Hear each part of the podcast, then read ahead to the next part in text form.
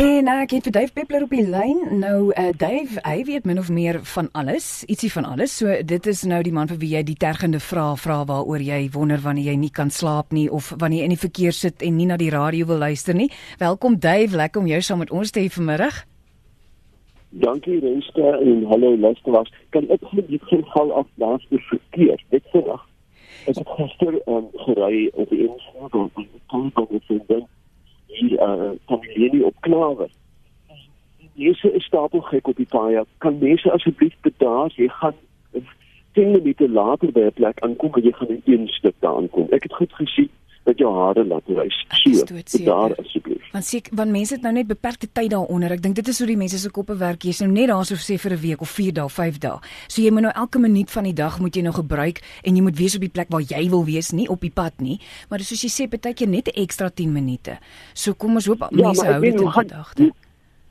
Hoe gaan die mense op die strand lyk like in traksie? Jy weet die op die handdoek gaan vashak en al daai dinge en goed. Nee nee nee. Dit depend dan nie. Ek moet nie kan word asseblief.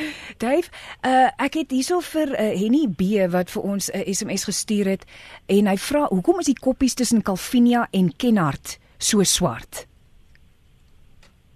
O, die die hele Noord-Kaap. So dit is 'n wêreld. Net wat die wat die beeldhouers noem 'n patina. As jy as jy brons giet en jy wag so 200 jaar dan word hy so lieflike vuil seepgroen. Nou hierdie is 'n patina wat die uitwerking is van die weer op die gewone dolomietrotse. Met ander woorde, as jy 'n rots daar vars breek, is hy pragtig grys, byna duifgrys binne-in. En dan as jy so 2 of 300 000 jaar wag en kyk weer, dan is hy swart uh, dit is dis glad binne soos vel en dit staan bekend in die, in die beeldhoukunst altens as 'n patina. Dit is die uitwerking van vel weer. Ek dink 'n intense radiasie hitte op die op die op die breekvlak van 'n klip. Goed. Ek het nog so twee SMS en dan gaan ek 'n paar oproepe neem. Nico van Nigel wil by jou hoor, is dit normaal dat nonnetjie uile in die dag uitkom? En ook, daar was twee wyfies en een mannetjie. Ek het foto's geneem. Hy sê dis pragtige diere, maar hy wil weet, is dit normaal dat hulle nou in die dag uitkom? Ja. Ehm um, meeste uile is uiteraard naglewend. Ehm um, maar daar's 'n hele aantal uile wat in die dag die al die uile van die van die noorde van die van van die van die ys die ysgebiede in die noorde is uitsluitlik daglewend want daar is niks in die nag. Dan dis skoon tog wens ek het dit vreeslik gekom. dan is daar net van ons kleiner uiltjies um, van veral van die laafveld wat in die dag sou rondvlieg. Maar dan is daar 'n hele aantal uile insluitend die nonnetjie ou wat steemer lewend is. En veral op 'n reënerige of of 'n 'n wolkerige dag sal hulle heelwat vroeër begin jag sal beslis nie oor die middag eet nie.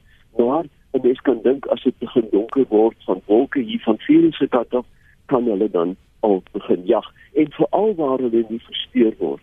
Oor die twee wyfies, dit is 'n ongewoon dat uile, uile paar gewoonlik langer is, ek vra net dit uile paar gewoonlik uh, vir 'n leeftyd lank, maar soms net soms in die hele diereryk sal 'n mannetjie twee wyfies hê.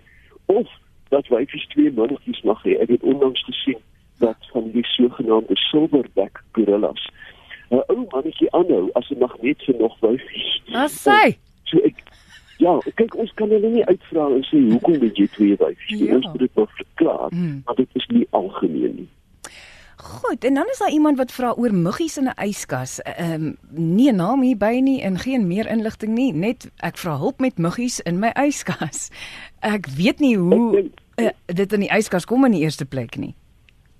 Ek vermoed van vrugte af uiteraard. Ja. Maar die enigste manier om daai skool hoek te slaan is op die temperatuur te laat daal. Ek dink onder 4 grade gaan die muggie dan regtig stadig vlieg. uh, jy, jy, en dan gaan hulle dan gaan hulle loop dat jy dit kan dink is te warm en daar is 'n algemene reël wenske dat insekte um, vlieg gewoonlik bo 16 grade Celsius. Jy weet daar's 'n hele aantal diere in die natuur wat hier by 16 grade paddetjies begin sing onder 16 grade.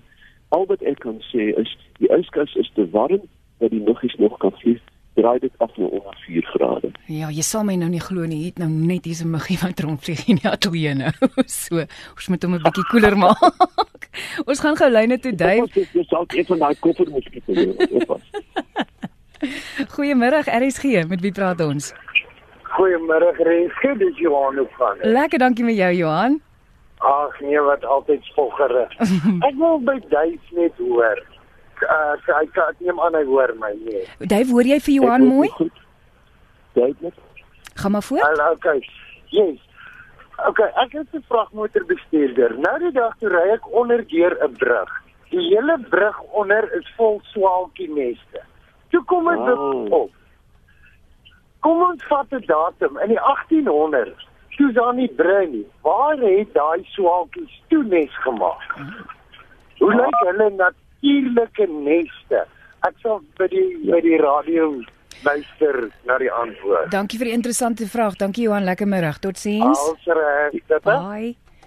Dave? Dit is 'n baie interessante vraag. Dit staan bekend as die Kanaal brugswaal. Dit is die klein windswaal, die um, um met die klein saaltjie op die rug. En selfs in Namibië sien jy net letterlik duisende wat onder elke brug gesamentlik nes maak. In die natuur sal hulle teen 'n vaste wand soos 'n rotswand moet nes maak. Die voordeel natuurlik van 'n brug is dat dit veilig is teen roofdiere of predators. Met ander woorde, as hulle daar gaan nes maak, verduur hulle die geraas, die geskit en die stankverkeer ter wille van die veiligheid daarvan. In die natuur is daar nooit soveel van hulle bymekaar. En die mens vra natuurlik hierdie vraag ook, jy weet, waar die parentale geslaap voor dat bome was in die Ja. Karoo.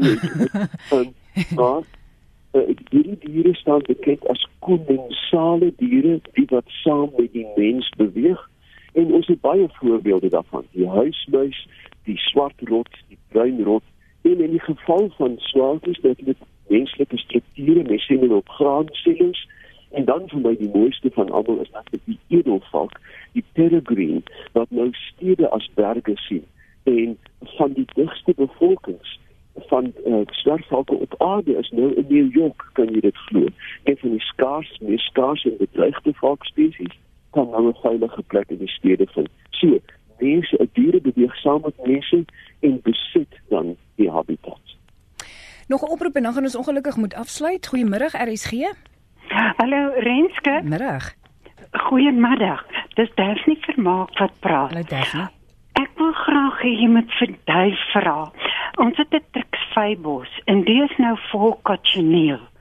Wat is die beste raad wat se gif kan 'n mens daarvoor gebruik of wat? Goed, het jy gehoor Dave? Ek het duidelik gehoor en ek hou my hart vas dat ek is nie 'n gidssoos nie. M moet ek moet ek vir moet ek vir Daphne op die lyn hou of kan Daphne maar by die radio luister? Hallo. Kan Daphne Kan maar ek maar aangaan? Ja, goed Daphne luister by die radio, hoor. Ek gaan by die radio Dankie, luister. dankie. Dankie hoor. Totsiens. Totsiens. Ja, Dave. Cochineal is 'n baie moeilike pes om uit te wen, wie weet dit 'n feit. Maar um, een van die van die wêreld, letterlik van die wêreld se voorste kenners, is professor Gerard Verdoorn. Dis reg. Um, en tot onlangs was hy um, by die uh, uh, Endangered Wildlife Trust. Wat ek wel sal doen, ek sal net nou op my webwerf 'n skakel vir die luisteraar vir duisend neersit en sê en sy nommer gee. Hy is werklik 'n wêreldkenner en een van die versigtigste mense as dit kom by die omgang met die natuur en gif. Ja. En ek stel dit sy hande los. Ja, hy hy vir 'n lang tyd het hy in ons nagskofte het hy vir 'n uur lank elke ek dink dit was op 'n donderdagemôre het hy kom vra beantwoord. Ek ken hom baie goed. Mm. Maar hy's 'n baie baie slim korrelkop. slim. En as dit kom by gif in die natuur, is hy een van die versigtigste praktisyns en ek vertrou hom absoluut. Absoluut. Goed, so jy praat van 'n webwerf dan, waar kan die mense heen gaan om te kry dan daai skakel? Ja, ag dit dit dit is dit, kyk daar is baie opdruksels van ander mense is ook wat is duifpeppler.co.za. Sê weer? Voor jy nou vir my op duif peppler een woord Ja, .co.za. ek het hom. En nou net om Marietta te irriteer. Renske Jacobs en Marietta Kreer wil ek dan en ook die luisteraars van RSC agterteen ook 'n 'n- 'n tyd van vrede toewens en ook 'n tyd van dankbaarheid want ons het veel om voor dankbaar te wees.